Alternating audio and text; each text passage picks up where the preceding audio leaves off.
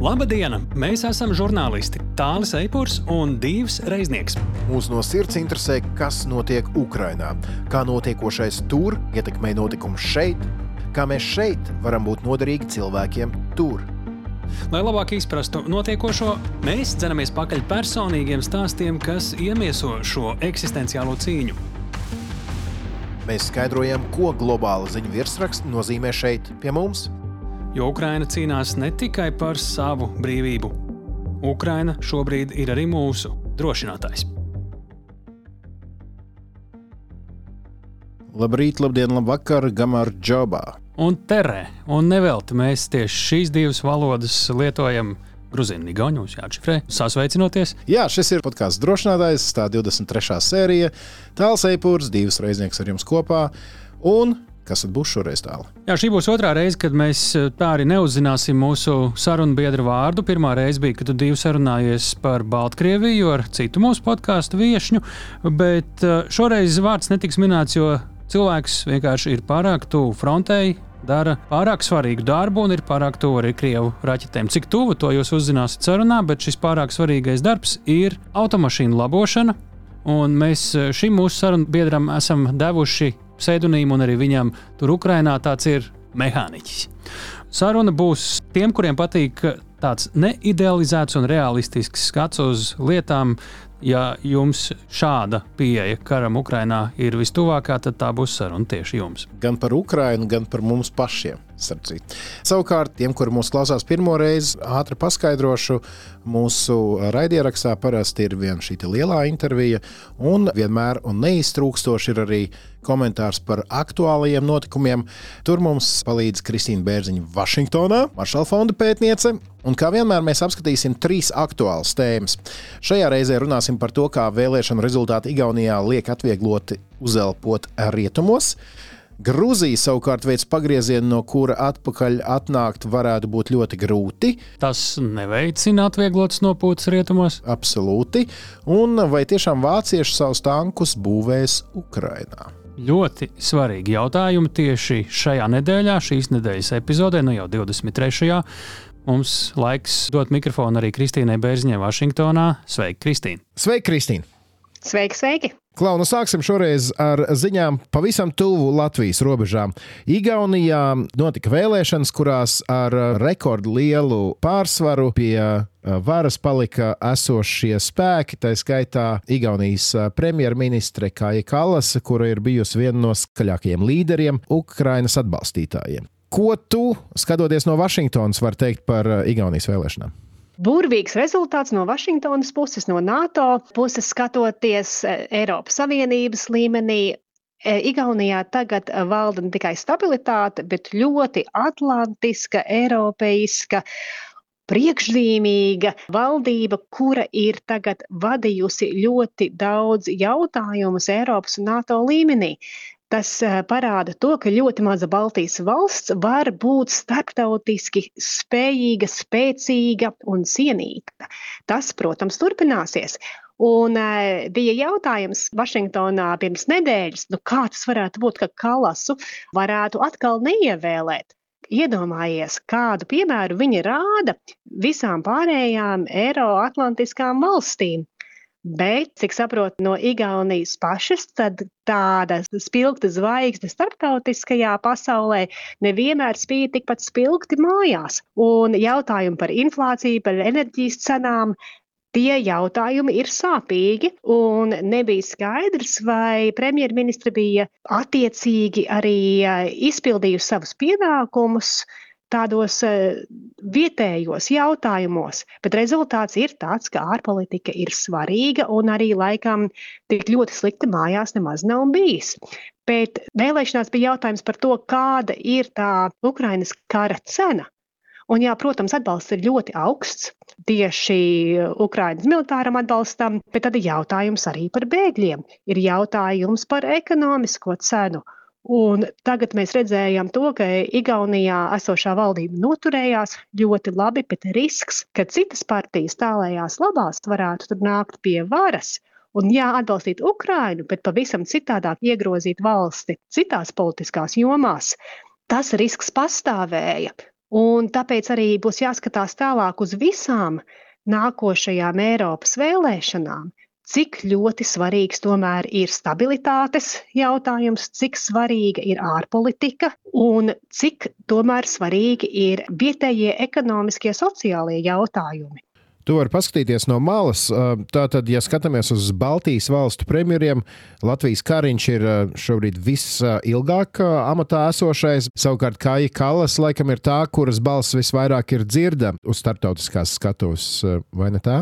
Kājas Kalasas balss ir ļoti dzirdama uz starptautiskās skatuves, bet es neteikšu, ka Latvija ir īpaši arī klusa. Ir svarīgi, ka visās Baltijas valstīs, īpaši šajā momentā, īpaši kara laikā, ka visās trijās valstīs ir ļoti spēcīgas un stabilas valdības, un ka stingrā nostāja pret Krievijas uzbrukumu un par sabiedrības stabilitāti arī.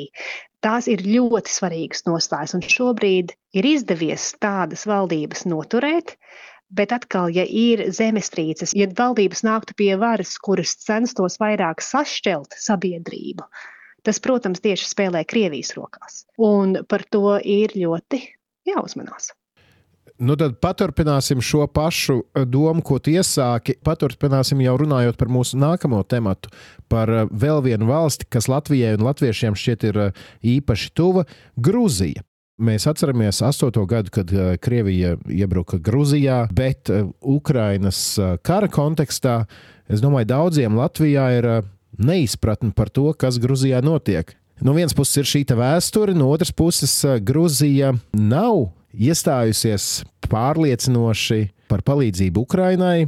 Tāpat laikā mēs redzam, ielās ir protesti, valdības mājā ir piesardzīgs noskaņojums, nu, tāds lavierējošs izskatās.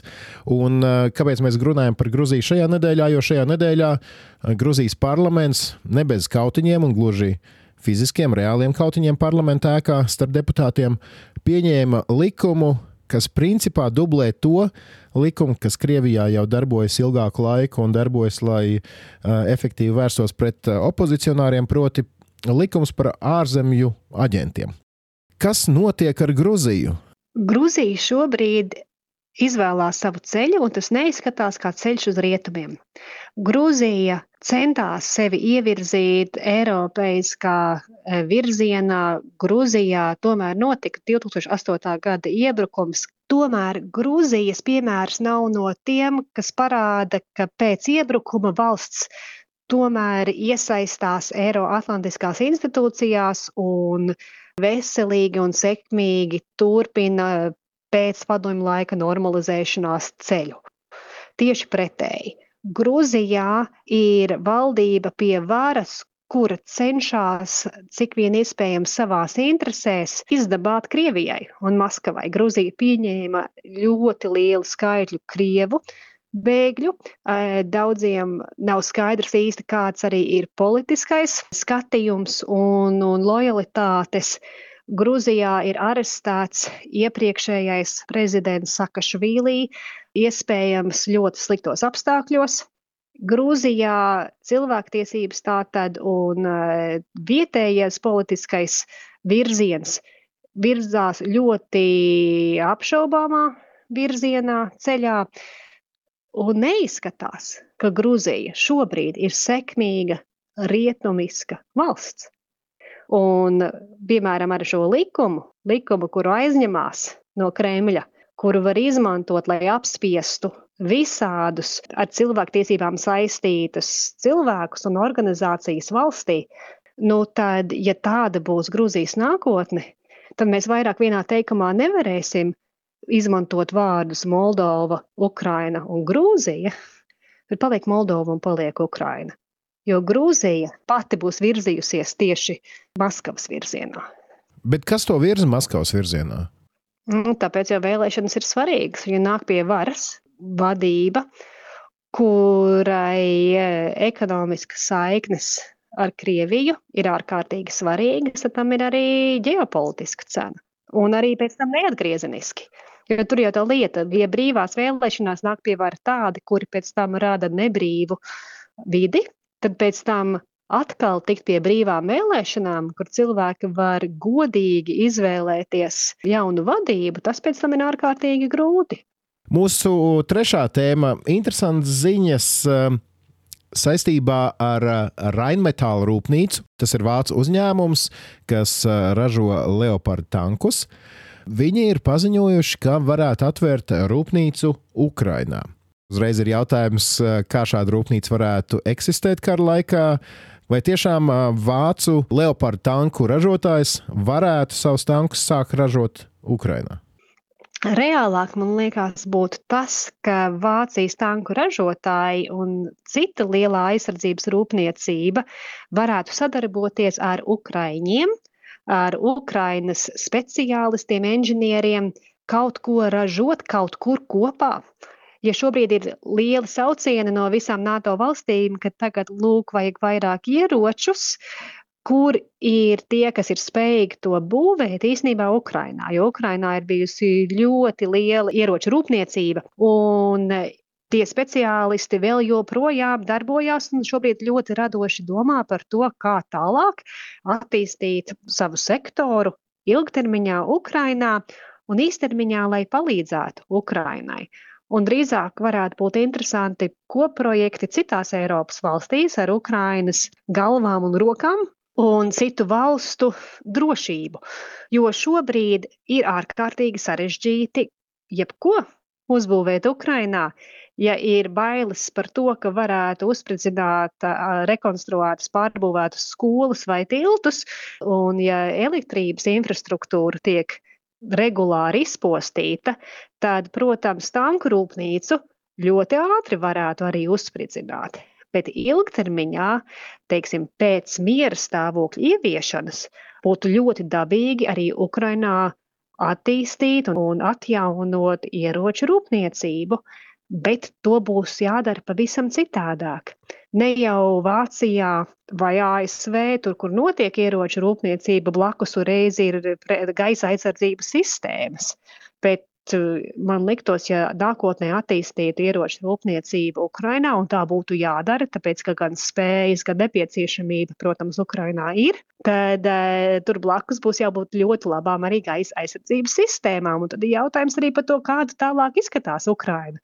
Un, ja iedomājamies par Izraēlas piemēru, kad e, lielās pilsētas ir zem gaisa aizsardzības kupola, tad jādomā, kā ilgtermiņā ieviest Ukrainā gaisa aizsardzības kupolus un arī, lai pasargātu vietējo ieroču rūpniecību. Bet vēl viena interesanta ziņa par to Rainmetālu izskanēja, ka viņi būtu gatavi atpirkt no Šveices armijas pašu ražotos Leopard 2 tankus. Tāpat viņi būtu gatavi nopirkt 96 bijušos Itālijas armijas Leopard 1 tankus, kurus uzglabā eh, Šveices eh, ieroču eh, ražotājs Roga man tad ir jautājums, kas ir Rainmetāla? Vai tiešām tas ir vienkārši parasts uh, komerc uzņēmums? Jo, ja mēs atceramies, kad Šalts vēl galīgi negribēja uh, Leopardus nogādāt Ukrainai, tad uh, Rainmetāla bija tie, kur teica, oh, dodiet tikai zaļo gaismu, un mēs esam gatavi jau nākamajā nedēļā izsūtīt uz Ukrainu pirmos tankus. Kas ir Rainmetāla šajā ziņā? Nu tā. Nu, Rainmetāla ir ambiciozs vācu uzņēmums, kuram ir interese palīdzēt Ukrainai. Drīzāk jautājums man būtu, kurš bremzē Vācijas ārpolitiku un uzvedību šajā kara laikā. Acīm redzot, ne Vācijas rūpniecība. Un, ja mēs arī skatāmies to, ka viena no labākām un jaunām gaisa aizsardzības sistēmām ir tā īristē, mēs par to pirms vairākām nedēļām runājām. Un, e, pirmā šīs sistēmas nosūtīja tieši uz Ukrajinu un Vācijai pašai nav vēl iristē sistēmu. Tas nozīmē, ka Vācijas rūpniecība ir ārkārtīgi nepieciešama, svarīga, priekšzīmīga šajā kara laikā, bet valdība nu mazāk. Nē, es vienkārši man tas uh, samulsināja, tas, ka viens, viens uzņēmums ir gatavs atpirkt tankus no Šveices un sūtīt tos uz Ukrajinu. Nu, visādi var apiet grūtības. Izskatās, ka Rainmetāla arī radoši domā. Nu, labi, katrā ziņā podkāstā par Ukrajinu it kā tikai viena tēma tieši un ļoti konkrēti saistīta ar Ukrajinu, bet nu, droši vien mums ir svarīgi skatīties plašāk, un, un svarīgi ir gan kas notiekās Grūzijā, gan kas notiek Igaunijā, gan, gan daudzās citās vietās, protams, Moldovā un tam līdzīgi. Tieši tā. Tāpēc, ka šis karš nav tikai par Ukrajinu, jo karš arī attiecās uz mums visiem pārējiem. Kristīna, tā kā karš attiecās arī uz mums visiem pārējiem, tad arī pēc nedēļas mēs noteikti atkal sazināsimies un runāsim jau par jaunākajām aktualitātēm. Teikšu tev paldies liels! Paldies jums un līdz nākamajai nedēļai! Paldies, Dievu! Paldies, Kristīna! Trīs ļoti svarīgi temati tieši šajā laikā - Igaunija, Grūzija un iespējamā ieroču ražošana Ukrajinā, rietumu ieroču ražošana Ukrajinā. Šie visi stāsti pavisam noteikti vēl būs ar turpinājumu. Īpaši mēs skatāmies par Grūziju un ieroču pārbīdēm Ukraiņas virzienā. Te gan jāņem vērā, ka šis ir ieraksts un šis bija komentārs uz šo konkrēto brīdi, bet es, piemēram, šobrīd skatos Twitterī, kur man ir izveidota atsevišķa Grūzijas uh, ziņu avotu lente. Respektīvi, jau pēc tavas sarunas ar Kristīnu ir jau Jā. vēl papildinājumi. Nu kā, uh, cilvēki turpiniet ielās. Iespējams, ka tad, kad jūs šo klausāties, varbūt kaut kas ir ģeniāli, totāli un galīgi mainījies. To mēs nezinām. Tā kā iespējams, jūs varat šobrīd izbaudīt pārākumu sajūtu pār mums, kad jūs jau zinat vairāk nekā nekā mēs šeit šobrīd runājam. Bet katrā ziņā ir ļoti vērtīgi arī dzirdēt arī šo Kristīnas komentāru un jūsu sarunu, jo divas jau nu arī nav nekāds vakarējais ar komentēšanu, jo tur ieliek tādu virzieniņu un pamatiņu, kāda vispār ir tā situācija, uz kuru pusi kurš deguns Gruzijā un Rietumos skatās, un eh, es ceru, ka jums tas ļaus saprast arī tālākās norises. Ne, nu te ir jāņem vienkārši vērā, ka šis nav tāds vienvirziena vai divvirziena, uh, divvirziena konflikts, kur būtu iesaistīti tikai Krievija un Ukraina. Te jāņem vērā, ka šie Kremļa taustekļi iet uh, ļoti dažādos virzienos. Un ir svarīgi laiku pa laikam uzmest aci arī tiem pārējiem virzieniem. Tā izskaitā, kā mēs to darām saistībā ar Moldovu, Gruziju un dažādām citām vietām. Bet nu laiks mūsu šīs nedēļas galvenajam viesim, varonim, šoreiz bez vārda. Šoreiz bez vārda ar pseidonīmu. Mehāniķis. Šī būs mūsu garāka saruna par to, kāda ir situācija. Mēs jau patiesībā esam šur tur dažā epizodē tam pieskārušies, bet šoreiz mēs beidzot līdz tam nonācām. Kā tad notiek tā automašīna dzīve pēc nonākšanas Ukrajinā? Runāsim ar mehāniķu, kurš ir no Latvijas. Viņš par sevi pats arī izstāstīs, bet jā, viņam pārziņā ir mašīnas, kuras reāli piedalās karā. Cik daudz no šīm mašīnām šobrīd viņš jau ir redzējis cietušas un kuras ir bijušas jālabo, kā cietušas vai vienkārši nolaustas pa pēdiņās labajiem Ukraiņas lieliskajiem, fantastiskajiem kara ceļiem. Un, e, tur, protams, ir iespēja, ka mašīnas ir sašautas, izdegušas un atsūtītas no Latvijas. Ne šādas, ne tādas, te pirksta kratīšana drusciņā arī būs mūsu, mūsu virzienā. virzienā. Jā, es teiktu, tā ļoti praktiska saruna un arī ļoti, ļoti mums pašiem padomāt ļaujošu sarunu par to, kā tad vislabāk palīdzēt arī Ukrainai, Ukraiņiem, jo, kā izrādās, ne visa palīdzība beigās ir palīdzība. Nu jā, uzzināsim vēl visu, ko, piemēram, ko Ukrainā sauc par indiāņiem, un vēl šo un to, bet pirms sarunas vēl tāds mazs, mazs paskaidrojums, lai klausoties jums vienkārši būtu saprotamāk.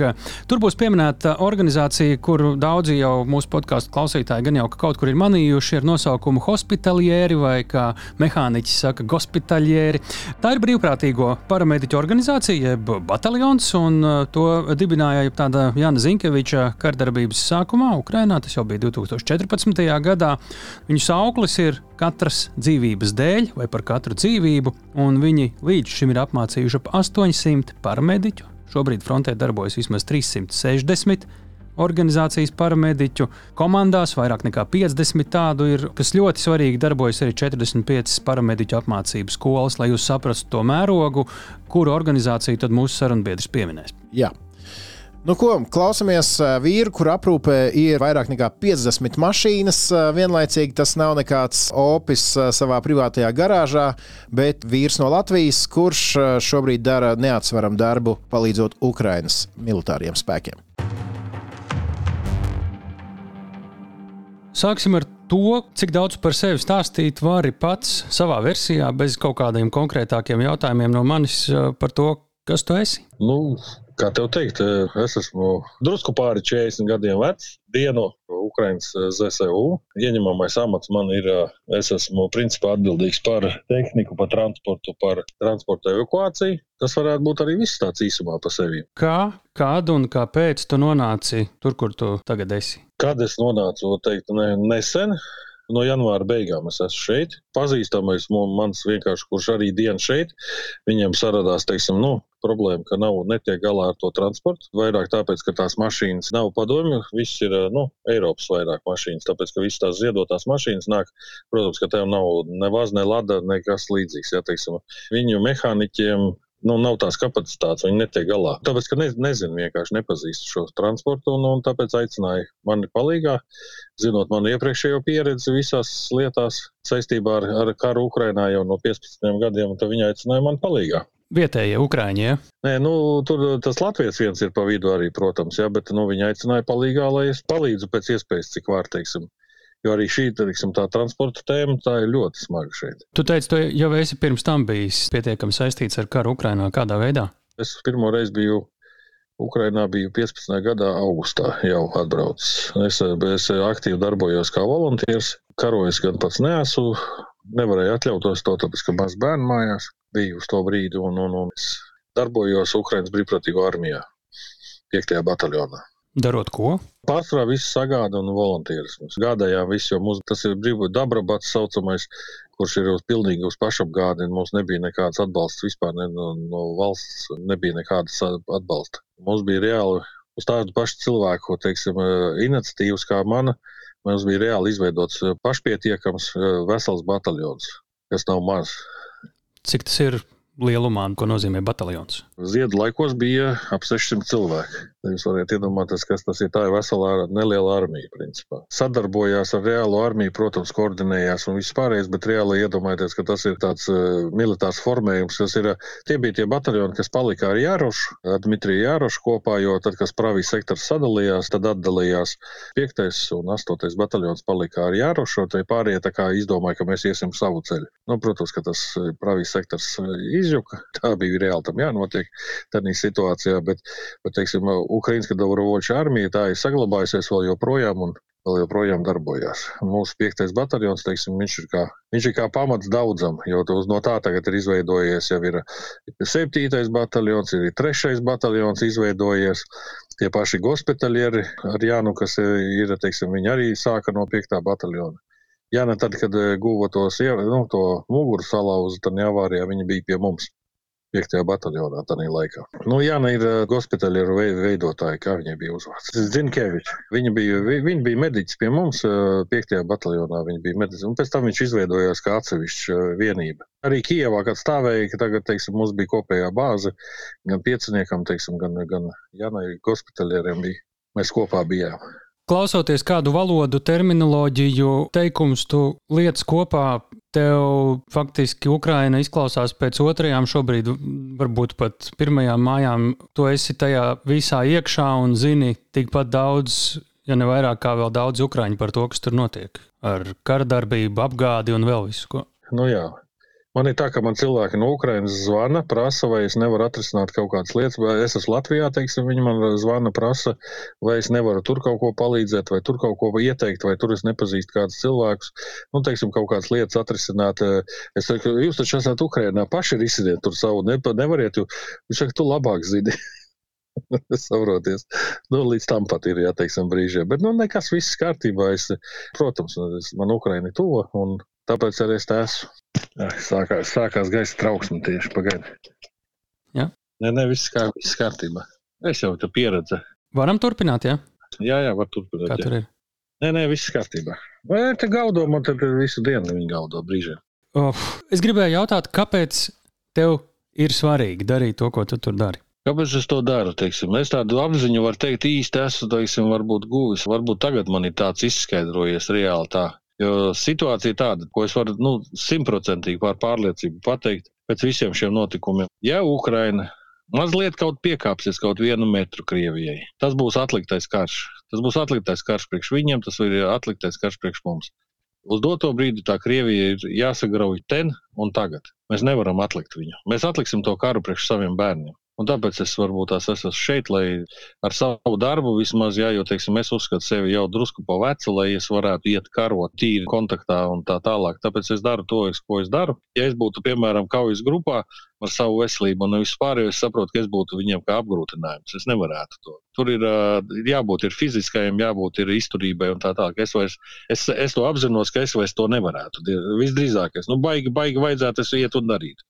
Bet vai es to spētu, tagad ir puikas, kas efektīvāk to dara, un tāpēc arī es, teiksim, varbūt tās novērtēju savas iespējas, tāpēc es daru to, ko es daru. Tu esi bijis ārpus tā, ko tagad dara kaut kādās kaujas darbībās ar ieroci rokā, es nezinu, kontaktā agrākos gados kaut kur bijis? Vai tas tev nav, nav bijis? Zonā es esmu bijis, viss, jā, bet teiksim, ar ieroci rokās es karojis neesmu. Kas tur norūc nu pat? Nē, brauc mašīnu gadām vienkārši mašīnas krāmējās. Tagad gan par to, ko tad tieši tu dari šobrīd Ukrainā. Tu sacīji, ka tu esi tur nu, jau krietnes nedēļas. Kas tas ir? Tā ir autobāze, tas ir autotransports labot. Mašīnas ir daudzas, visas, protams, es salabot nevaru. Visas, teiksim, fiziski tīri nevaru paspēt, jo jau vairāk kā mēnesi vispār bez brīvdienām. Nu, jau drusku prasās, jau es drīz prasīšu noteikti, lai kaut kādu dienu iedot brīvu, jo matus pat nav, kad aizbraukt no, no, nogriezt. Uz doto brīdi es tādu tā, ka, teiksim, nu, es laboju, teiksim, tās mašīnas, kas ir ļoti problemātiskas, kuras ir ļoti grūti atrast motoru speciālistus, kārbām speciālistus, jo viņi vienkārši šeit nav. Sarežģītās lietas es daru pats, bet, teiksim, pārskrūvēt riteņus kaut ko tādu, to mēs vedam uz, nu, es skatos, kas ir vajadzīgs, kas ir jādara, teiksim, un tad sūtām uz mēģinām atrast tos servisus, kas nomaina de detaļas, kas var vienkārši nomainīt. Teiksim, saku, nu, nu, nu, auto evakuācija no kaujas zonas, teiksim, ved ārā bojātās transporta līdzekļus. Es vedu braucu pakaļ viņiem pats. Cik tuvu pirmajai līnijai? Nu, kā tev teikt? Tā kā ir. Tur, kur baukšs caurām dienām. Kā lai tev pasaka precīzi. Brauc tur, kur, nu, kur vajag. Nu, kā, nu, ne, nu, protams, ka kas vada degvielu, šoferīšu, kas vada ēdienu. Daram katru savu darbu. Man ir izsaukums, brauc uz turieni, savāc to mašīnu, piemēram, ar evakuātoru, jo nu, viņas ir pārsvarā viss ir nebraucamas, protams. Viņi jau brauc līdz pēdējiem, kamēr norlūst riteņi, saprotiet.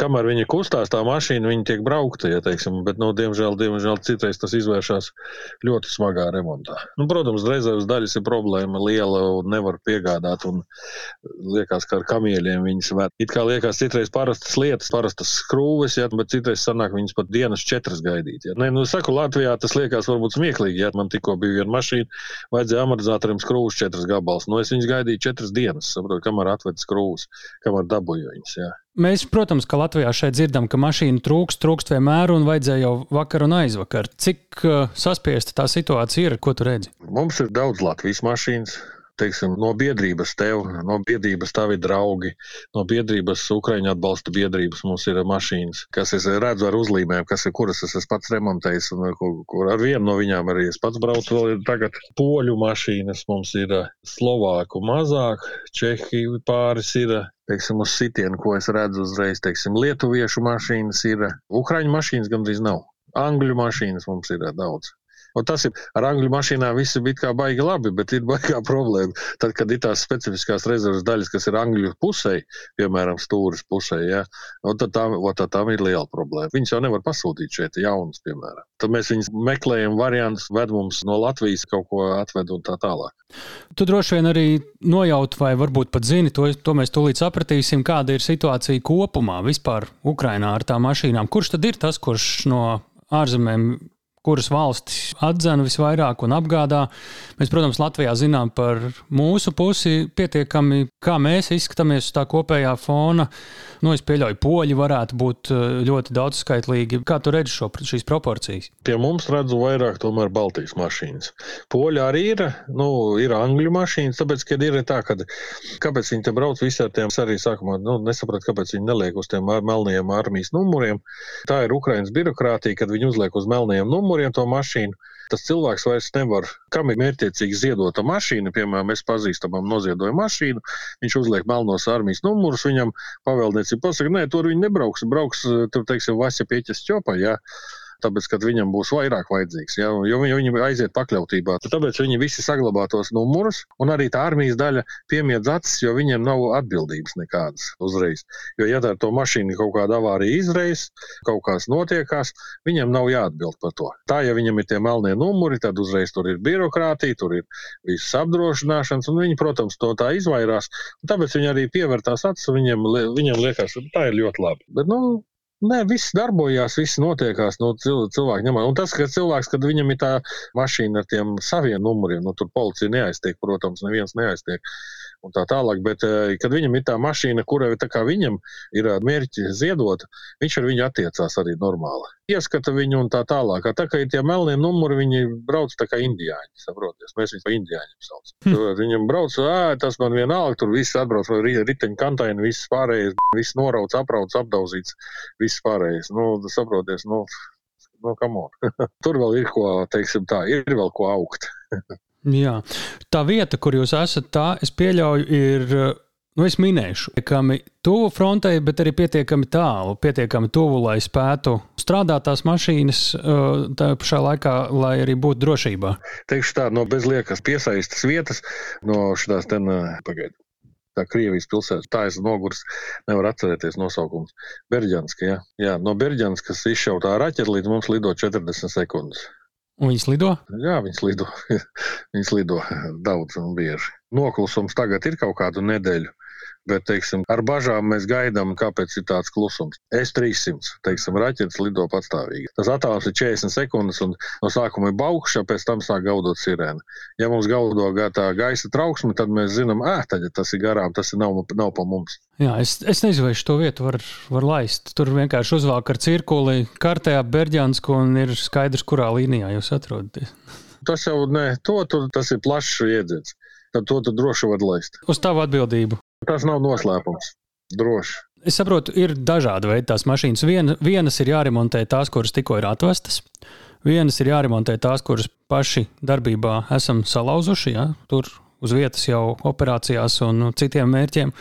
Un ir karā cietušās tā burtiskā nozīmē, kas ir apšaudas mīnas. Kādi remonta veidi, teiktu, tur ir tie, tie lielajās līnijās? Nu, teiksim tā, nu, vairāk gan ir, protams, tādi tīri mehāniski. Nu, ja tā mašīna ir galīgi samalta, tad viņa nav pat jēga vairs taisīt. Tad mēs viņu meklējam, kur viņu nodot, lai maksimāli izdevīgumu dabūtu un lai no viņas kaut kādas rezerves daļas nopirkt citām vai kaut kā izdarīt. Vienalga, nu, apmainīt viņu, samainīt, izjaukt detaļās vai nodot. Ja viņa ir, teiksim, reta mašīna, mums te ir tāda viena tāda mazda tas džips saucamais, viņš ir vienīgais mums tāds detaļas, mums viņam citam nevajag, viņš ir, nu, drusku aizdegās un, un tur izdega motortelpa. Doma ir, ka viņu nodos vienkārši šrotā un par iegūto naudu mums vienkārši būs finanses, par ko citas detaļas citiem nopirkt. Mēs viņu uztaisīt, teiksim, sataisīt nevaram, jo pirmkārt viņa ļoti reta, tā mašīna, un mēs viņu vienkārši nevaram. Visi jau cenšas tas mašīnas saudzēt, jo, jo bez mašīnas tad tev ir, nu, rupi runājot, ir pakaļā. Kāpēc tās mašīnas cenšas audzēt, slēpj viņas, teiksim, ja ar mašīnu jau neviens nebrauc, piebrauc, teiksim, kaujas uzdevumā, piebrauc noteiktajā punktā, teiksim, ja izsēdina cilvēks un, teiksim, mašīnu noslēpj. Ja jau tu brauc ar mašīnu un pa tevi jau šauj, tad jau tas ir tu jau vispār traku pa tuvu piebrauc. Pārsvarā viss tagad tā fronte stāv uz vairāk vai mazāk uz vietas, lielākajā daļā tā kustība ne, nenotiek tāda, tu vari vienkārši to mašīnu tiek nolikta noteiktajā saku punktā, noslēpta, kur visi tie, tie, tie grupā, kas brauc ar viņu, viņi zina viņa tiek audzēta maksimāli tā mašīna. Jo bez mašīnas, protams, nu, jūs pamēģiniet ar uzkari aizmukt 10 km. Nu, būs kā būs. Jo tā mašīna reāli saprot, ka tā ir tava, tava, tava dzīvības, dzīvības cena varbūt. Transports. Tas katrs sīkums, kas tajā mašīnā nav izdarīts, viņš var izrādīties katastrofāls. Jo tikko bija mums tāda situācija, kad ar zilu brauca piekrautu ar munīciju un vienkārši un tas zils negāja. Nu, vienkārši lēnām knapi vilkās, un tur kalniņš vēl bija, un krievu tanks eh, tiešā trāpījumā un gāja bojā. Tas tikko var teikt, burtiski kaut kādas divas nedēļas atpakaļ. Tikai tāpēc, ka mašīna negāja. Ja mašīna būtu gājusi, teiksim, ja, normāli, tad nu, šofers un tas, eh, kas bija kabīnē, tie gāja bojā. Ja mašīna būtu normāli gājusi, tas tanks nevarētu trāpīt viņai. Viņš nu, šautu, bet aizšautu garām, jo viņi nevar tā trāpīt. Par, par kustīgu mērķi trāpīt ir grūti, bet tas mašīna nekustējās. Nu, viņa knapi vilkās, nu, viņa viegli, viegli trāpīja. Kas ir tie veidi, kā mašīnas beidz būt? Viens ir vienkārši nolietotas un vairs nav vērts labot, viens ir pavisam sašautas, nezinu, uzsprāgušas vēl kaut kādas. Kā, kā tu teiktu, kurā brīdī jūs sakāt, šitā vairs nebrauks? Kādi ir tie veidi? Šī tā vairs nebrauks. Nu, pusdegus ir tāda, teiksim, ka tās remonta izmaksas pārsniedz saprāta robežas, tad, nu, tad mēs jau tad, tad to mašīnu liekam maliņā. Tad saku, tad mēs ar to lietojušu mazdu, mēs teiksim, domājam, ko viņi darīt, kādā veidā gūt maksimālo labumu priekš turpmākās darbības, lai izmantotu viņu. Jo es saku, nu, tāda mašīna mums nav, un teiksim, tur ir izdegusi, teiksim, daļa motortelpas ir izdegusi un tā tālāk. Protams, ka to visu var uztaisīt, bet, saku, bet tas, mums jau tas remonts ir jāveic maksimāli ātri, maksimāli lētāk. Jo tās naudas nav, vāc detaļas skraida, tur cilvēki meklē pa visām malām. Tās naudas nav tik daudz, tā, ka tu vari, teiksim, aizvest pasūtīt, mums lūdzu šito, šito, šito un viss atvediet. Nu, tā, diemžēl, nav. Gribētos, bet, diemžēl, tā nav. Un tad ir jāimprovizē. Tu teici, cik tu ilgi esi kādu mēnesi? Drusku jau, drusku jau vairāk kā mēnesi. Šajā laikā, cik mašīnām ir pateikts paldies tavā?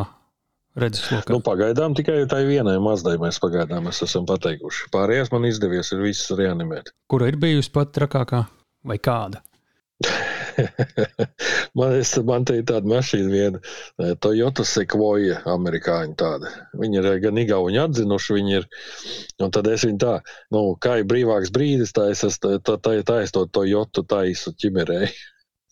tas ir gandrīz jau kā hobijs iestājies.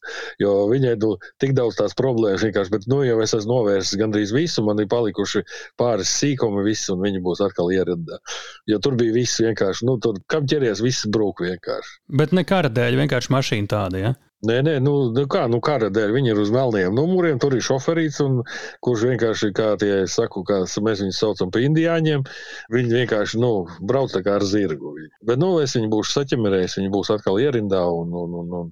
Labi, pastāsti, kādai ir jābūt mašīnai, lai viņi var doties veikt operāciju? Kādā tehniskā kārtībā tas ir viens jautājums. Es domāju, tādā nu, tīri no, no mehāniķa viedokļa, bet ar ko viņai ir jābūt aprīkotai? Protams, ka tur ir specifika, bet nu, kaut vai paņemsim mašīnu, kur ir, tu teici, aizbrauc viena maza vienība, kaut kur viņa paslēpja.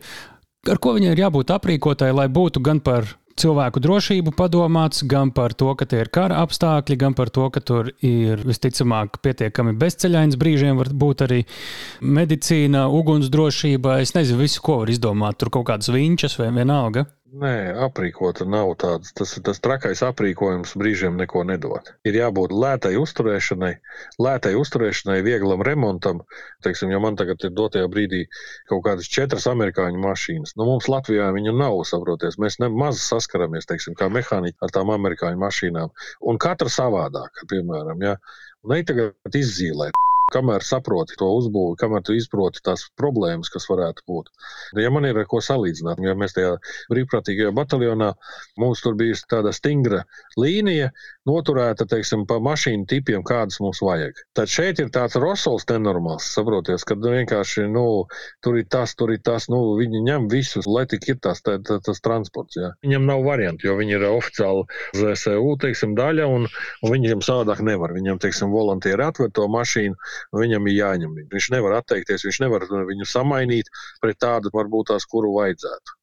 Visdzīvākā, vislabākā mašīna karam, un to es domāju, ka arī Ukraiņiem nāksies pēc kara, viņi varēs te visus tos eh, padomju tankus noņemt un uzlikt pēc tam piemineklī. Tas ir Volkswagen T4 ar 2,5 dīzeļu motoru, kas ir visizdzīvojošākā, visspējīgākā mašīna, ko es esmu redzējis. Lēts, maz degvielas patērē un ļoti izturīgs pa Ukraiņas ceļiem. Protams, ka tie ceļi šeit ir tādi, kā ir. Es jums varu pateikt, teiksim, ar evakuātoru es braucu. Man te bija viens jāizbrauciens, teiksim, bija jābrauc nu, it kā 120 km.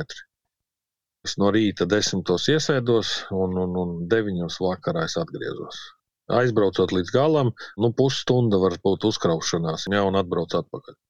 Nu, tāda ir situācija. Ja 240 km es saku, es braucu otrais, trešais ātrums ar smago mašīnu. Vienkārši nevar pabraukt. Un tagad pavasars nāk, tagad kūst vaļā, viss vēl saproties. Nu, paliek vēl traģiskāk, jā, tie ceļi paliek. Nu jā, bet, piemēram, Jānis eh, Ratkevičs no Latviešu vienības Ukrainā, viņš, eh, nu, piemēram, atsūtīja tādu sarakstu, kā gatavot autokaram. Nu, tur ir eh, kaut kādi, nezinu, 40 punkti. Jānis Ratkevičs ir pārāk liels ideālists. Labi, es mēģināšu, lai klausītāji vienkārši dzird paplašinātā aptieciņa, ugunsdzēsmē aparāti divi, atstarojoša vēsts, stikla sitamais, USB lādētāja, akumulātora lādētājs, rezerves startēšanas akumulators, siltā sēga, guļamais, navigācija, radio atbilstošs riteņu ķēdes, pretbuksēšanas plāksnes. Es esmu pusē vēl tikai viņš, priekšējās trūbas, teikāna, toaletes papīra, nu, starp citu, maskēšanās tīkls, arī termālais vēlams pret, pret droniem un tam līdzīgi. Trose, protams, viņš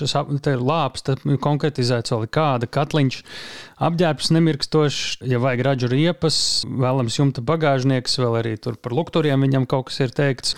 Protams, bišķi paplašināts remonta komplekts, tad tajā ir vēl, es skatos, 25 atsevišķas sastāvdaļas, un, un tad ir rezerves daļas, kas ir vēl tur ir vesela čupa, vai ne? Un es dzirdu, tu jau, tu jau smēji par to. Jā, protams, Jānis, Jānis ir malacis. Protams, viņš visi vajag labi, tas būtu skaisti, viss daļi, bet eh, teikšu tā, ja mums būtu katrā mašīnā vismaz rezerves ritenis, dankrats un atslēga, ar ko atslēgu atskrūvēt, tad mēs jau būtu baigi labi. Bet reālā situācija tāda, ka pat to nav. Tā kā tur tas viss šis nu, nu, uzskaitītais, tas drausmīgais, tas ir principā nesasniedzams šeit tā lieta. Es domāju, ka pat ja viņi atbrauks, viņas jau pēc nedēļas var nebūt vienkārši tajā mašīnā jau tur būs. Viss būs pazaudēts, varbūt izsēts. Iedos to mašīnu indiāņiem, te vispār tur pazudīs viss. Man ir tā, ka man pat nav dankrata un nav atslēgu, ar ko riepas atskrūvēt. Es nevaru katrai mašīnai nodrošināt to. Lai stāv tur kaut kur bagāžniekā, tā nevar. Ja? Jā, jā, tās man vienkārši nav. Es pēc iespējas robežās skatos, protams, lai mašīnām ir rezerves ritenis. Nu, vismaz rezerves ritenis cenšamies, lai ir mašīnai. Vismaz kaut, kaut ko mēs ieliekam. Bet, teiksim, vai dankrats vai atslēga, ar ko atskrūvēt, tas pazūd. Vienkārši pazūd. Tāda ir Ukraina, tā varētu teikt. Ja? Jā, tāda ir Ukraina, diemžēl. Tāda viņi ir. Un, un, un šī jautājumā viņiem vēl ir stipri, stipri jāpiestrādā. Tā situācija ar visu to pieejamību, detaļu, resursu un tam līdzīgi, viņa šobrīd kļūst grūtāk šajā ziņā, kur konkrēti darbojies tagad ar visu apgādi detaļām, vai tieši otrādi arvien labāk, ko jau cilvēki saprot un tam līdzīgi. Detaļas it kā, jā, nu, ne, viņas ir, viņas jau dabūja, jā, saka, bet tā atgādāšana, ja Kijevā, teiksim, tur nav problēmas tās detaļas, bet, teiksim, šī galā, kamēr viņas, es saku, dabūt, tas ir problemātiski. Uz katru jau vajag savu specifiku, un ja vēl tās amerikāņu detaļas, tās ir vispārībā grūtība, bet, nu, viņas ir dabūna. Lēnā garā dabūna, tāpēc, ka ir, ir arī vietējie volontieri, protams, Ukrainas, kuri tagad, ar, teiksim, vienai angļu mašīnai, kam izbeidzās galva motoram, jā, nu, arī saviem tiem volontieriem volontieriem aizsūtīja, nu, un jau ir savākti tas, cik tur tie 5, 600 viņi maksā tā galva. Jau pasūtīti. Tā kā būs. Tas vienkārši tas ir laiks, kura, diemžēl, manā skatījumā izskatās, ka viņa paliek maz tā laika. Tas laiks jātērē ar tādu, jāsaprot, ka tas laiks var izmaksāt ļoti dārgi ko mēs tērējam, dēļ tā, ka atnāks tā viena detaļa. Mašīnām jā, jābūt maksimāli gatavām jau jebkurā brīdī visām startēt pēc vajadzības, bet man ir uz doto brīdi ātri Tagad sēžot savā mašīnā uz fiksu logu, viens. Man ir kaut kādas piecas gabals mašīnas, kas ir izjauktas, teiksim, ja, kuras ne, nepilda savus uzdevumus. Un mums ir viena pagaidām viena maiņas mašīna, ko mēs varam iedot, kas atbrauc. Jā, ja nojaukt, mums ir viena, viena mašīna. Labi, ka viņi ir, protams, mēs esam bezgalīgi priecīgi, ka viņi mums ir. Bet man ir nu, piecas nojukušas, ja tās mašīnas, un viņi nu, visiem nav ko iedot. Cik ir tas apkalpojamais autoparks, kas ir tavā tajā, es nezinu, darbnīcā vai nodaļā, vai kā nu to sauc? Man ir pāri pa 50 mašīnām. Kādā stāvoklī tās mašīnas atnāk? Viņas atnāk joprojām remontējami, sagatavojamā lielākoties, vai jauna pienākusi mašīna ir svētki, un viņi faktiski nākamajā dienā jau kaut kur brauc. Jau. Kā tas notiek? Nē, nu katrā ziņā viņi tiek pārkrāsoti viennozīmīgi militārā krāsā, lai viņi maksimāli nu, vai nu melnu nopūš. Teiksim, jā, tas pēc ieskatiem, teiksim, pēc vajadzības, kā skatoties, kādi darbi, kas viņai jāveic. Ir. Atkal sākās gaisa trauksme. Labi, šodien kaut kā bieži. Šitais, nu, viņi tiek pārkrāsota viennozīmīgi. Viss tehniskais jāpārbauda, riepas jāpārbauda. Nevajag dzīt mašīnas tādas, kas ir jāremontē. Tā ir grūtība. Jo mums tagad ir viena latviešu mašīna, kas stāv, nu, tā ir bēda, godīgi sakot. Džips Latvijā acīm redzot, viņš ir braucis pa offroadiem kaut kur, ja tur cilvēks varbūt ir atdevis vai kā, bet tā ir bēda. Viņi nojāta, godīgi sakot, nespējam tās detaļas viņiem mainīt. Un tagad ir nojukušas priekšējiem tiltam gultņi, ja, kurus mēs vispār nevaram dabūt šeit. Nu, meklē viņus, bet nevaram dabūt viņus. Tā ir amerikāņu arī mašīna, kā, bet mēs tos gultus nevaram atrast. Nu, cilvēks it kā labi domādams ir noziedojis, jā, bet mēs ar viņu reāli čakarējamies. Viņa vairāk stāv nekā viņa brauc. Ir tādi rekordi auto, kuri izdzīvo no pašas atvešanas, kas varbūt jau bija tur pavasarī, nu, iepriekšējā gada, un, un joprojām brauc. Nu, un ir tādi, kuri ļoti ātri beidz savu mūžu. Kāds ir tas vidējais mūžs tādam auto, kas ir atzīts no rietumiem uz Ukrajinu un kurš uh, kalpo tur tavējiem? Man grūti spriest par šīm auto, kas pie manis ir, jo es nezinu, kad viņas ir atvestas. Bet, teiksim, tās mašīnas, ko es esmu pats personīgi vedis, nu, sākot jau no februāra ja, pagājušā gada, no manām mašīnām ir uh, gājis bojā tikai viena. Tās ir kaut kādas 11 mašīnas. Es visas zinu, es visas zinu, kas brauc ar viņām. Lielākā daļa viņas ir uh, Ukraiņas Dabroča armijā. Protams, es savējiem vedu. Vienkārši man, man tas, kas ir autotransporta kombata vietnieks, tas ir, tas ir mana dēla krustāvs. Protams, mums ir citas attiecības, bet, bet katrā ziņā es zinu, kā viņš attiecās. Tur neviens neatļaujās tā braukt, kā šeit braukt, teiksim, uz SEU ar mašīnām, ka tur pie vienas vietas, ja teiksim, tur atbrauc riteņkantaini un tā tālāk. Tur viss attiecās pret viņiem tā kā pret savējām. No tām mašīnām, kas ir manas atzītas, ir viens, viens busiņš, kas mums ir Bahmutā gājis bojā tikai. Bet arī mēģina viņu it kā tur sačinīt, bet mēs jau savācām biedrībā naudu un nopirkām jau, teiksim, viņam citu vietā. Tad kur vairāk iet bojā tie spēkrati kaujās vai viņus vienkārši nolauž ar intensīvu lietošanu? Nē, nu kaujās arī. Teikšu tā, man drīzāk liekas, ka drīzāk kaut kādas stulbības pēc viņas tiek nobeigtas tās mašīnas. Nu tā godīgi vairāk nekā tajās kaujās. Nu, kaujās eh, mašīnai, saprotiet, mašīnai jau nav tā viegli nemaz trāpīt. Visi, kas ir mednieki, noteikti zinās, kā tas ir, kad šaut pa, pa skrejošu meža cūku, ja teiksim, stendā. Tas pats ir arī šeit, bet šeit viņi pat to nesaprot. Vairākas reizes runāja par to šaušanu, vispārējo saprotiet, viņi neizprot īsti to, to, to apsteigumu, ka jātais un tā tālāk. Viņi paši nesaprot īsti to, kur vēl tur no otras puses. Un ja tā mašīna skrien uz priekšu, tad viņa nu, nav nemaz tik viegli viņai trāpīt. Nu, labi, viņi tur eh, nobeidzās riteņi, nobeidzās tur ritošā daļa, teiksim, jā. Bet, teiksim, nemaz tik viegli viņi nav trāpīt. Mašīnu var sašaut viegli, tā ka viņi stāv uz vietas. Tad viņai var no drona uzmest virsū kaut ko vai savādāk. Bet trāpīt pa braucošu mašīnu, varbūt tās no simta, varbūt tās pieci varēs. Vai nu uz mīnā, teiksim, uzbrauc virsū. Nu, tad ir bēdīgas sekas parasti. Gan mašīnai, gan ekipāžai. Ja? Skatoties, kāda mīna, ja kājnieku mīna, tad ekipāžai nekas, bet, ja tanku mīna trāpās, nu, tad, protams, tad ir lupats pa gaisu.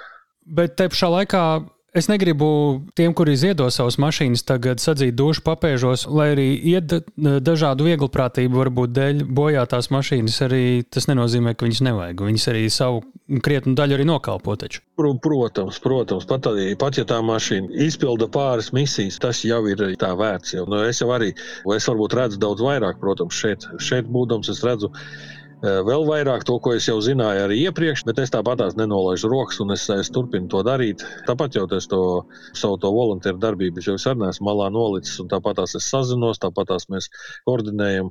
Vajadzētu varbūt tās visi tie, kas palīdz, tāpat tās ar tām tām ierakumu svecēm. Nu, mums ir stāv kāda tonna no Latvijas sveces. Viņas neviens neņem. Tāpēc, ka viņas ir uztaisītas nepareizi. Es centos vairākas reizes to parādīt tiem taisītājiem, tiem sveču lējējiem. Viņas ir uztaisītas nepareizi, jo viņas negrib ņemt, tāpēc ka viņas kūp un neizdeg līdz galam tās sveces. Kas ir kļūda tajā izgatavošanā galvenā? Galvenā kļūda izgatavošanā ir tā papīra ie, iemuļāšana tur iekšā buļģā. Viņi samačkā to bumbu papīru kaut kādā sarullē, kaut ko tur iestum iekšā. Jā.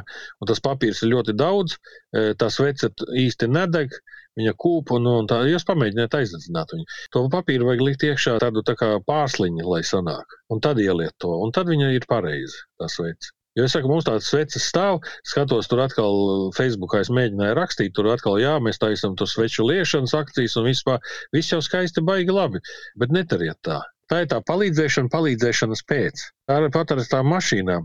Nevajag, ot, es tur iedošu, da jau ko tur, man tur stāv, piemēram, tur kaut kāds dranduļietis, man es viņu atdošu, ja tur gan jau ko vajadzēs. Nu, nevajag, tāpēc, ka tas ceļš līdz šejienai jau ir vien, jau, teiksim, nepilni 2000 km, ja no Latvijas.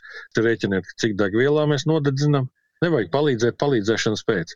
Vajag konkrēti, ja neziniet, pajautājiet. Tāpat tās cilvēks, piemēram, o, es tur noziedoju tur drēbes vai kaut ko, teiksim, mēs tur noziedojam, tur 200 eiro vērtībā.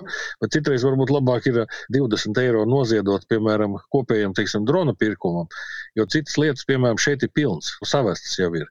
Viņas nav īsti vajadzīgas. Bet, nu, Ukraiņi, protams, viņi pateicīgi, viņi priecīgi, ka par viņiem atcerās.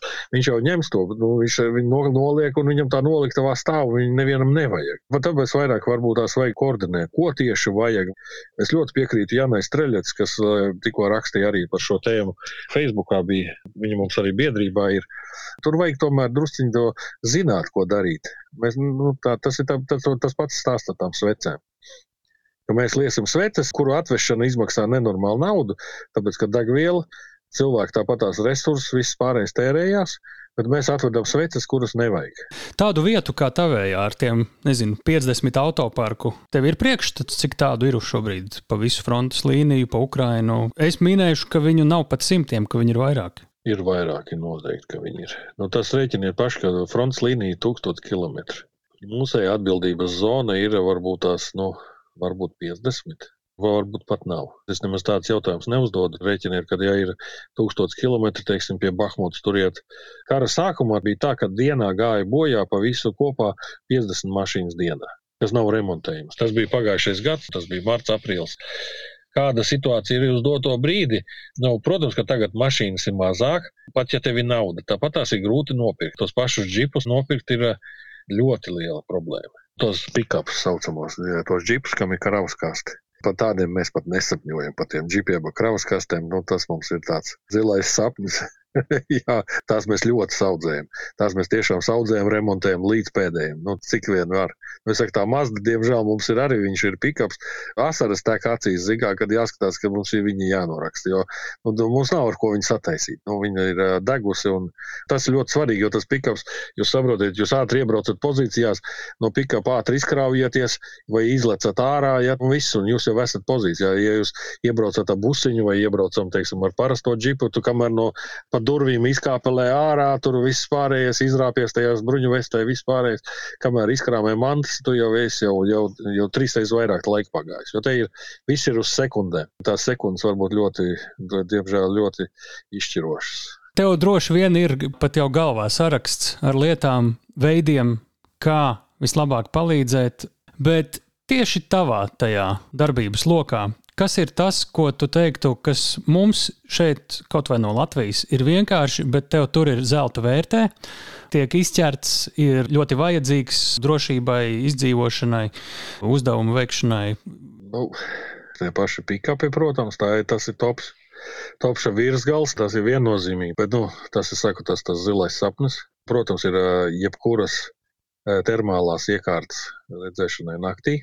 Tas ir svarīgi ļoti. Tās mēs te vācam, kā var un ko var. Par transportu. Transportam pat tā. Mums vairāk vajadzīgs ir finanses, lai mēs varam nopirkt tās detaļas. Tas ir vairāk teiksim, būtiskākais. Jo tās detaļas es jau nevaru, nu, es, es nevaru paspēt, teiksim, nopublicēt, teiksim, un no Latvijas mēs nevaram piegādāt. Kamēr viņi atnāks šeit, jau tas jau būs jau vismaz divas, trīs nedēļas. Pateikt lielu paldies visiem, kas atbalsta un lūk turpināt šo, šo atbalstu un neko vairāk. Ēdiens mums ir ļoti labs, nevaram sūdzēties ne galīgi. Sveces mums vēl ir. Sliktākā gadījumā noteikti lietosim arī šīs, kas ir. Pārējais tas saku, tas ir galvenais, ir tās visas tās tehnoloģijas, kas ir vajadzīgas. Nu, kas ir vajadzīgi? Vajadzīgi ir, nu, mums te ir latvieši, kas ir drona operatori, mums ir, es zinu, ka viņiem ir vajadzības. Tas ir tās tehnoloģijas, ar kurām mēs pārspējam ienaidnieku. Tas ir svarīgāks. Te mēs darbnīcā mēs kaut ko izdomāsim, atradīsim, gan jau lēnā garā mēs kaut kādā veidā mēs tiekam galā ar visu. Jo instrumenti tie jau ir savākti. Jānis tieši Ratkevičs sacīja, ka instrumenti, jeb kāda veida, tā ir lieta, kas vienmēr noderēs, ka tos varat sūtīt. Nu, jā, man būtu svarīgi ļoti kompjuters, ar ko, ko diagnosticēt defektus mašīnai. Jo mašīnas, kam nāk jau ar to elektroniku, viss, tās nav labākās tās mašīnas, bet viņas arī jau ir diezgan daudz, un man, man nav tas eh, diagnostikas kompjuters. Ar to es te mocos ar vecām metodēm. Pārējos instrumentus jau cilvēki jau saziedoja, Jānis atsaucās, viņi jau ir ceļā. Es varētu būt, ka es jau viņus rītā aizparīt sāģi saņemšu. Tad es par instrumentu trūkumu es vairs nevarēšu šēloties. Primārais jau ir tomēr sasniegt to mūsu to kopējo mērķi. Uzvara jāsasniedz jebkuriem mērķiem mums. Ko tev pašam novēlēt? Lai veselība iztur. Galvenais pārējais tas sīkums. Es joprojām nezinu tavu vārdu. Tas nozīmē, ka es nevienam nevaru lieki izpļāpāties. Es saku tev lielu paldies. Mēs turēsim tevi īkšķi. Paldies jums! Paldies visiem par atbalstu katrā ziņā Latvijā un visā plašajā pasaulē.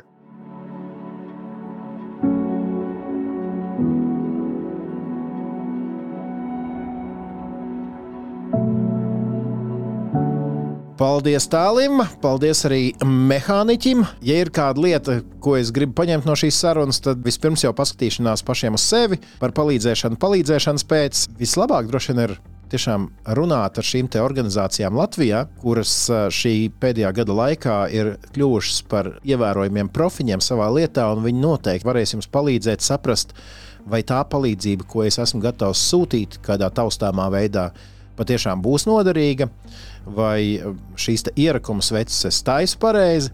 Jo par šo es patiesībā pat nebiju iedomājies. Tas man bija tāds neliels atklājums, ka jā, mēs it kā nosūtām tur tonām ierakumu sveču, bet izrādās, ja tu tās neizgatavo pareizi, vienkārši izgatavo uz buļbuļs, tad viņas tur vienkārši stāv un aizņem vietu. Par tām svecēm, ko divas pieminēja un ko mehāniķis pieminēja, vajadzētu jau līdz ar podkāstu iznākšanu vai tu tam būt arī Latvijas sabiedrisko mediju portāla LSMLV atsevišķam rakstiņam, tā izskaitā ar bildēm par to, kā tad mehāniķis viņš mums vienkārši laipni atsūtīja, kā nevajag taisīt tās sveces. Un kā būtu kā vajag. labi, lai nedūmo, izdeg līdz galam, lai nebūtu vienkārši par velti taisītas un sūtītas. Un vēl es intereses vadīts pēc eh, šīs sarunas noklausīšanās, ieskatījos sludinājumu portālā, kas tad ir tā mašīna, kur viņš tik ļoti eh, lielī. Tas ir eh, busiņš, nesaukšu firmu, Nevajag. Bet busiņš, kas ir aptuveni, nu tā es skatījos, vidējais statistiskais uh, sludinājums bija uh, apmēram 20 gadus vecs. Cena kategorijā no 2 līdz 4 tūkstošiem. Tā kā patiesībā. Un pat pieejams. Jā, un, un nopērkam tur bija vairāk desmit cilvēkiem. Jā, redz, izrādās šādi te veci busiņi, izrādās ir ļoti uh, uzticami un noderīgi. Un kas ir svarīgi, lēti kā viņš teica, mazrī benžu, ir Izturīgi. pieejams detaļas, jā, un ir pieejams detaļas arī. Kas ir ļoti, ļoti, kā mēs dzirdējām šajā sarunā, svarīgi. Nu, redz, es uzzināju ļoti daudz ko šajā reizē. Paldies, tev, Tāli! Es arī uzzināju, man ļoti patika šis apzīmējums indiāņi. tas Indiāņi. bija nu, teiksim, tā traģikomiski kaut kādā ziņā. Jo, un tas arī man parādīja to ainu, ko nozīmē Ukraiņas valsts šobrīd. Ar vai bez kara vienalga. Jo mēs dzirdējām tos piemērus par mašīnām, kuras nonāk oficiālās armijas aprūpē un kuras nonāk, nu, teikt, privātā karavīra aprūpē. Milzīga atšķirība. Un es domāju, ka šī mazā saruniņa parāda kārtējo reizi, kas mūsu podkāstā arī ir viens no mērķiem, to kādreiz arī kāda lielāka problēma, kur Ukrainā joprojām ir, un tā ir šī attieksme pret uh, daudzām dažādām lietām. Nu, kaut vai mehāniķis stāsts par viņa bērna krustāvu, kurš darbojas citā vienībā, ka tur joprojām ļoti daudz kas notiek ar pazīšanām, nevis organizēti un sistemātiski un tā tālāk. Labi, pirmkārt, jau atceramies, Latvijā ir tāpat ir daudz dzirdēts par to, kā cilvēki brauc atšķirīgi, vai no nu ar savu mašīnu, vai, piemēram, ar darba mašīnu. Nu, te jau patiesībā jau līdzīgi ir galvenais neidealizēt cilvēkus, jo ir dažādi cilvēki gan tur, gan šeit, bet šajā gadījumā svarīgākais ir viens, ka, lai kā viņi brauktu, tas mērķis, kāpēc viņi brauc, ir viņi cīnās par savu zemi, cīnās arī pasargāt, bet arī par Latviju. Un katra mašīna, lai vai kādi indiāņi ar viņu tur Ukrainā brauktu, kā mēs dzirdējām, kaut vai dažās operācijās nodarot, jau ir viens ļoti labs solis tuvāk Ukraiņas uzvarai. Katru reizi, kad jūs noklausāties šo podkāstu, pieņemat kādu lēmumu, vai nu ziedot, vai kā citādi palīdzēt, arī ir solis īstajā virzienā. Redz, kur tu aizgāji. Es jau gribēju teikt, ka, ja jums šis šķiet interesanti, padalieties ar saviem draugiem, radiem paziņām, nošērojiet linku uz mūsu sarunu, parakstieties, tur spiediet laiku, vēl nezinu, kaut ko meklējiet mūsu sociālajos tīklos. Rakstiet mums arī e-pasta vēstules drošinātājs Latvijas Rādio LV. Mēs tās lasām un ņemam vērā jūsu ieteikumus. Šajā reizē tas laikam arī viss tālāk. Nu, un, protams, atcerieties, ka jauna epizode radiorakstā drošinātājs katru ceturtdienu, un drošinātājs tas ir skaidri un personīgi par karu Ukrajinā.